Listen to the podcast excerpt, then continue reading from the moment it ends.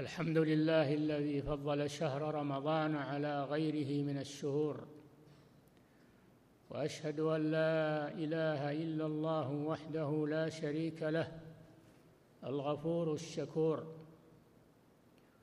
وأشهد أن محمدا عبده ورسوله البشير النذير والسراج المنير. صلى الله عليه وعلى آله وأصحابه أهل الجد والتشمير سلم تسليما كثيرا. أما بعد أيها الناس اتقوا الله تعالى واشكروه إذ بلغكم شهر رمضان. واسألوه أن يوفقكم ويعينكم فيه على فعل الخيرات. والإكثار من الطاعات خصوا شهر رمضان بما جعل له من الطاعات فإنه شهر عظيم وموسم كريم. من أدركه ووفقه الله لصيامه وقيامه حاز على خير كثير.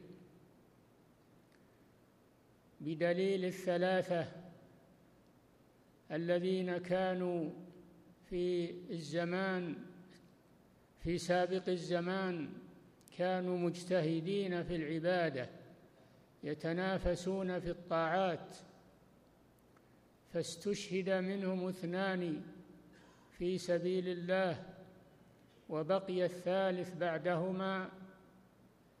فصام رمضان ثم مات على فراشه. فروي, سابق فروي في المنام سابقا لهما. تعجب الناس. كيف الذي مات على فراشه؟ يسبق الشهيدين في سبيل الله.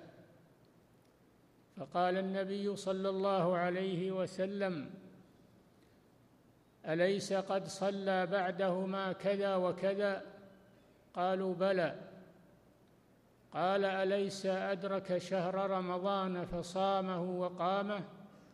قالوا بلى. قال والذي نفسي بيده إن بينهما كما بين السماء والأرض.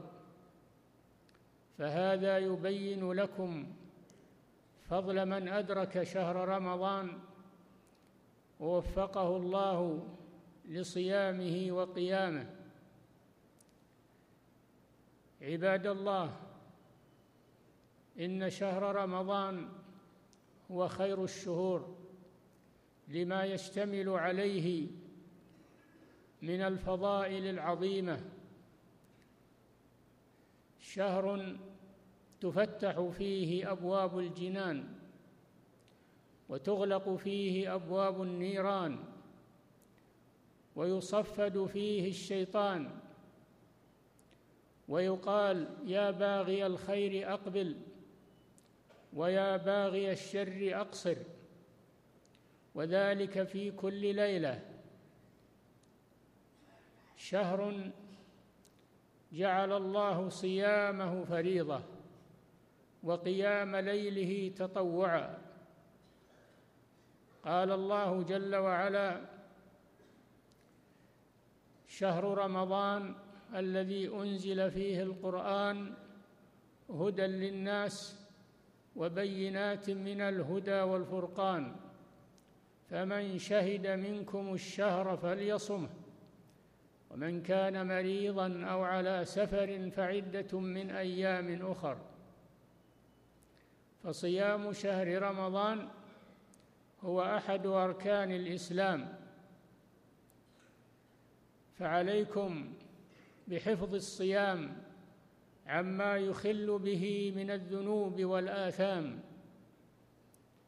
فليس الصيام هو مجرد ترك الطعام والشراب والشهوات وإنما هو مع ذلك ترك كل ما حرمه الله من المفطرات من المفطرات الحسية والمعنوية. المفطرات الحسية كالأكل والشرب والجماع وغير ذلك من أنواع المفطرات المفسدات للصيام التي يلزم معها القضاء. والمفطرات المعنوية المفطرات المعنوية وذلك بحفظ اللسان عن الغيبة والنميمة والشتم وقول الزور وحفظ البصر من النظر إلى ما حرم الله النظر إليه قل للمؤمنين يغضوا من أبصارهم ويحفظوا فروجهم ذلك أزكى لهم إن الله خبير بما يصنعون وقل للمؤمنات يغضن من أبصارهن ويحفظن فروجهن والنظر سهم مسموم من سهام إبليس إذا أطلقه الإنسان فإنه يصيب قلبه هذا السهم يصيب قلبه والعياذ بالله يصيب قلبه بالمرض الشهواني والفتنة وكذلك يصون سمعه عما حرم الله من الغيبة والنميمة وقول الزور. وفي هذا الزمان إذا أقبل رمضان فإن جند الشيطان يحضرون البرامج الفاتنة التي تصرف الناس عن هذا الشهر يعدون البرامج الهابطة والمضحكات والمسلسلات والتمثيليات التي تذهب التي تذهب بأسماع الناس وأبصارهم إليها وهم يقولون نحن صائمون. صائمون عن الطعام والشراب لكنهم ليسوا صائمين عن ما حرم الله سبحانه وتعالى. ولا يتم التقرب إلى الله بترك المباحات إلا بعد التقرب إليه بترك المحرمات. فعلى المسلم أن يصون صيامه عن عن هذه الأمور أن يصون سمعه ويصون بصره ويصون لسانه عن كل ما حرم الله سبحانه وتعالى. هذا هو الصائم. أما من أطلق لسانه في الكلام البذيء وأطلق بصره في الحرام وسمعه في الحرام فهذا وإن ترك شهوته وطعامه فإن الله لا يتقبل منه. فليس الصيام ترك الطعام والشراب فقط وإنما هو ترك ما حرم الله سبحانه وتعالى قبل ذلك من أنواع المحرمات. فعلى المسلم أن يصون لسانه وسمعه وبصره ويده ورجله وكل جوارحه عما حرم الله. هذا هو الصائم الذي صام ظاهرا وباطنا وأخلص النية لله. هذا هو الذي يحوز على أجر الصيام. أما من جاء بصيام شكلي مخرق ليس له حقيقة فإنما حظه من صيامه الجوع والعطش. قال صلى الله عليه وسلم من لم يدع قول الزور والعمل به والجهل فليس لله حاجة في أن يدع طعامه وشرابه. عباد الله واحرصوا على قيام شهر رمضان مع المسلمين بحضور صلاة التراويح في المساجد فإنها سنة مؤكدة. سنة مؤكدة. سنها رسول الله صلى الله عليه وسلم حيث قال صلى الله عليه وسلم شهر رمضان فرض الله عليكم صيامه وسننت لكم قيامه. قال صلى الله عليه وسلم من قام رمضان إيمانا واحتسابا غفر له ما تقدم من ذنبه. وفي حديث آخر من قام مع الإمام حتى ينصرف كتب له قيام ليلة. أيها المسلمون اعرفوا آداب صيامكم فتقيدوا بها. فمن آداب الصيام تأخير السحور إلى طلوع الفجر. فإن بعض الناس يسهرون ثم يملؤون بطونهم إذا انتهوا من سهرهم ثم ينامون قبل الفجر ولا يصلون الفجر مع الجماعة. وقد لا يصلونه في الوقت وإنما يصلونه بعدما يستيقظون. وربما ينام أحدهم النهار كله تمر عليه الصلوات الفجر والظهر والعصر ولا يستيقظ إلا عند الإفطار. هل هذا صائم يا عباد الله الذي ضيع الفرائض؟ وإنما تقيد بترك الأكل والشرب هذا ليس صائما الصيام الذي أمره الله به. كذلك من آداب الصيام تعجيل الفطر عند غروب الشمس. قال الله سبحانه وتعالى وكلوا واشربوا حتى يتبين لكم الخيط الأبيض من الخيط الأسود من الفجر ثم أتموا الصيام إلى الليل.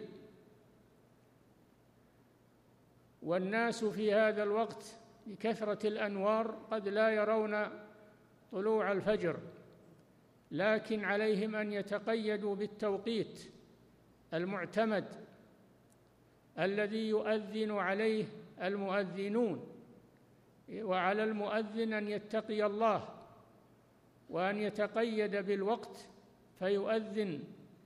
إذا حان الوقت لا يتقدم فيحرم الناس من السحور ولا يتأخر فيحمل الناس على الأكل بعد طلوع الفجر. فإن المؤذن مؤتمن فعليه أن يتقي الله في أمانته.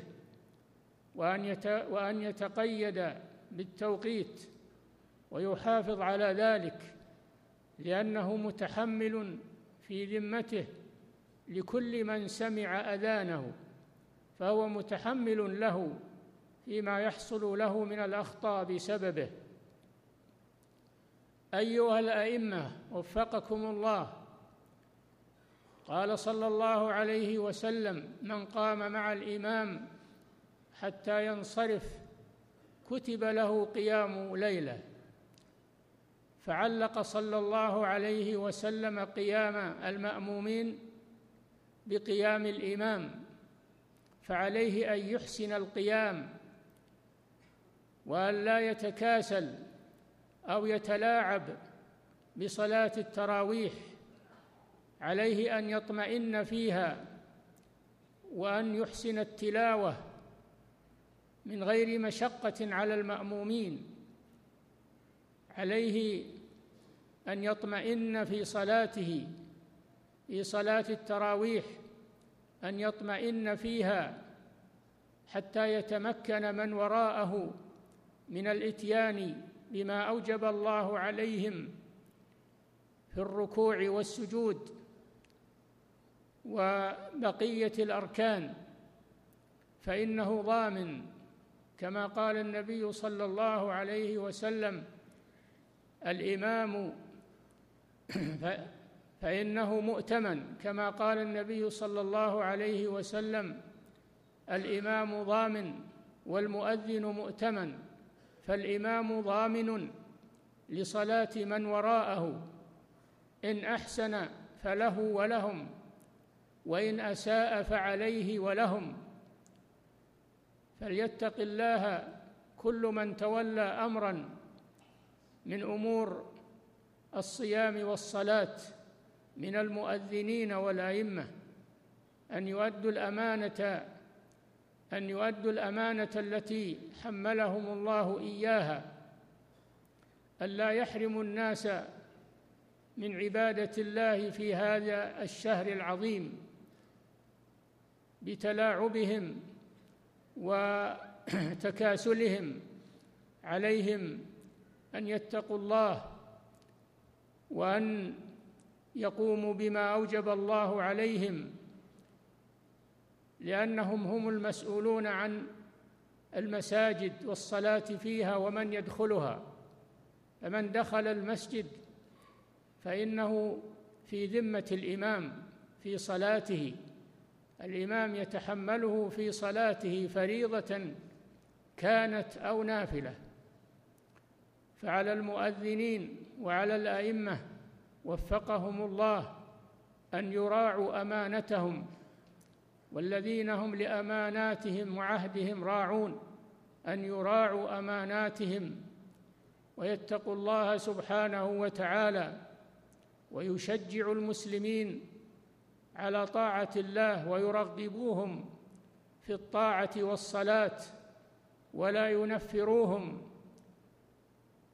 ولا يبخسوا شيئا من الصلاة بالسرعة والهذرمة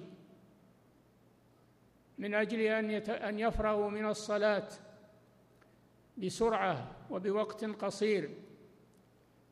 كذلك من الأئمة من يخفف التراويح تخفيفا مخلا فإذا جاء دعاء القنوت فإنه يطيل القنوت ويتكلف. وربما يكون وقت القنوت أطول من وقت الصلاة كلها. وهذا من الجهل إن القنوت دعوات دعوات مختصرات دعوات جامعات يتخير من الدعاء أجمعه وأحسنه ولا يطل ولا يطل في القنوت. فهذه أمور يجب التنبه لها. عليكم أنتم يا جماعات المساجد ألا تفرطوا وتحرموا أنفسكم من فعل الخير وعمارة المساجد في هذا الشهر بتلاوة القرآن والجلوس فيها وأداء الفرائض فيها وهذا أمر واجب مفروض عليكم. وكذلك لا تفرطوا في صلاة التراويح بعض الناس قد لا يحضرها وبعضهم يحضر أولها وينصرف.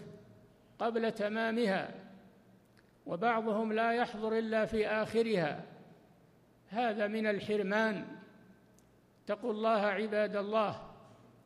أعوذ بالله من الشيطان الرجيم.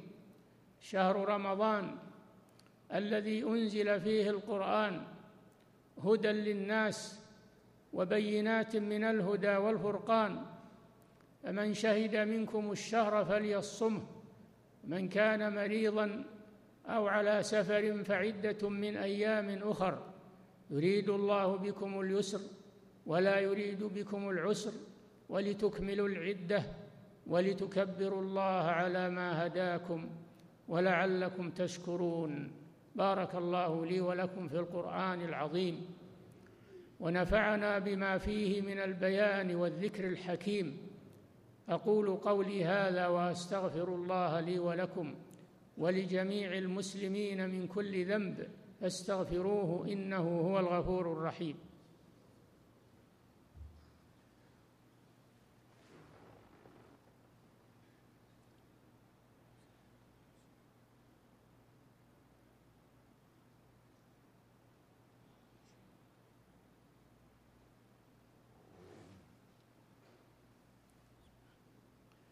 الحمد لله على فضله وإحسانه.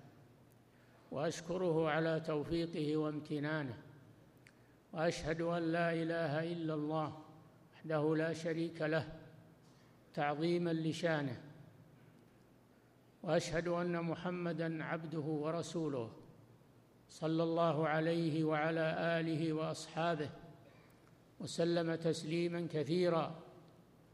أما بعد أيها الناس اتقوا الله تعالى واعلموا في أي وقت أنتم. إنكم في شهر رمضان سيد الشهور والأيام. فعظموه كما عظمه الله سبحانه وتعالى واحترموه واغتنموه في طاعة الله سبحانه وتعالى. واشكروا الله إذ بلغكم إياه واسألوه أن يعينكم على أن تقدموا فيه خيرا لأنفسكم. واسألوا الله القبول.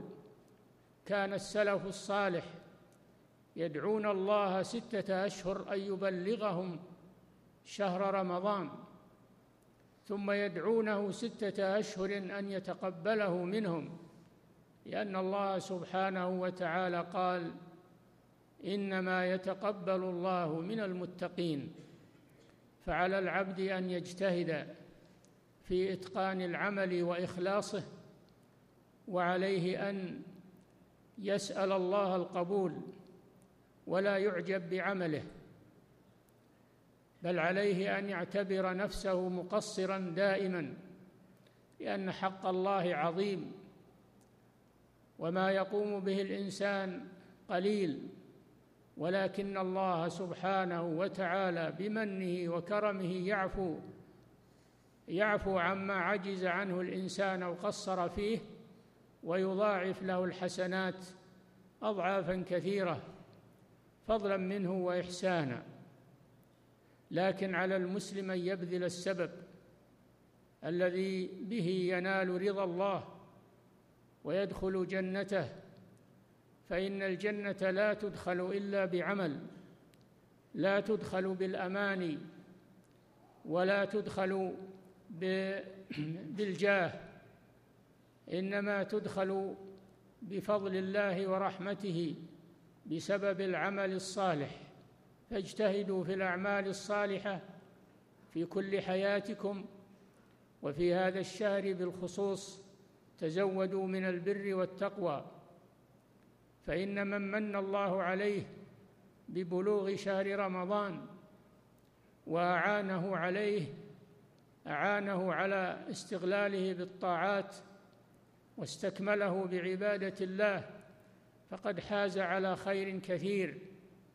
كما سمعتم في قصة الثلاثة الذين استشهد منهم اثنان في سبيل الله وبقي الثالث فروي سابقا لهما كما قال النبي صلى الله عليه وسلم بسبب أنه تأخر عنهما فصلى ما شاء الله من الفرائض والنوافل وأدرك شهر رمضان فصامه وقامه. وأنتم والحمد لله قد أدركتم شهر رمضان. فاسألوه أن يكمله الله لكم بالخير والطاعة. وأخلصوا لله النية والعمل. فإنه لا يفرح بطول العمر لأجل غرس الأشجار أو كري الأنهار أو التفاخر بالأموال والأولاد وإنما يفرح بطول العمر لإدراك مواسم الخير والتزود من الطاعات. وقد قال صلى الله عليه وسلم خيركم من طال من طال عمره وحسن عمله. ثم اعلموا أن خير الحديث كتاب الله وخير الهدي هدي محمد صلى الله عليه وسلم وشر الأمور محدثاتها وكل بدعة ضلالة. وعليكم بالجماعة فإن يد الله على الجماعة ومن شذ شذ في النار. إن الله وملائكته يصلون على النبي. يا أيها الذين آمنوا صلوا عليه وسلموا تسليما. اللهم صل وسلم على عبدك ورسولك نبينا محمد. وارض اللهم عن خلفائه الراشدين الأئمة المهديين أبي بكر وعمر وعثمان وعلي وعن الصحابة أجمعين وعن التابعين ومن تبعهم بإحسان إلى يوم الدين. ربنا اغفر لنا ولإخواننا الذين سبقونا بالإيمان. ولا تجعل في قلوبنا غلا للذين آمنوا. ربنا إنك رؤوف رحيم. اللهم أعز الإسلام والمسلمين وأذل الشرك والمشركين ودمر أعداء الدين واجعل هذا البلد آمنا وسائر بلاد المسلمين عامة يا رب العالمين. اللهم ول علينا خيارنا واكفنا شر شرارنا ولا تسلط علينا بذنوبنا من لا يخافك ولا يرحمنا. اللهم انصر دينك وكتابك وسنة نبيك وعبادك المؤمنين اللهم من أراد الإسلام والمسلمين بسوء فأشغله بنفسه واردد كيده في نحره واجعل تدميره في تدبيره إنك على كل شيء قدير. اللهم إنا نجعلك في نحورهم ونعوذ بك اللهم من شرورهم. اللهم أصلح ولاة أمورنا واجعلهم هداة مهتدين غير ضالين ولا مضلين. اللهم اصلح بطانتهم وابعد عنهم بطانة السوء والمفسدين. اللهم اصلح ولاة امور المسلمين في كل مكان يا رب العالمين. ربنا تقبل منا انك انت السميع العليم وبارك لنا في شهر رمضان. اللهم بارك لنا في شهر رمضان واجعله موسما لنا لنيل الرحمة والرضوان. تقبل منا واعف عنا تقصيرنا يا رحمن. عباد الله إن الله يأمر بالعدل والإحسان وإيتاء ذي القربى وينهى عن الفحشاء والمنكر والبغي يعظكم لعلكم تذكرون. وأوفوا بعهد الله إذا عاهدتم. ولا تنقضوا الأيمان بعد توكيدها. وقد جعلتم الله عليكم كفيلا إن الله يعلم ما تفعلون. فاذكروا الله يذكركم واشكروه على نعمه يزدكم ولذكر الله أكبر والله يعلم ما تصنعون.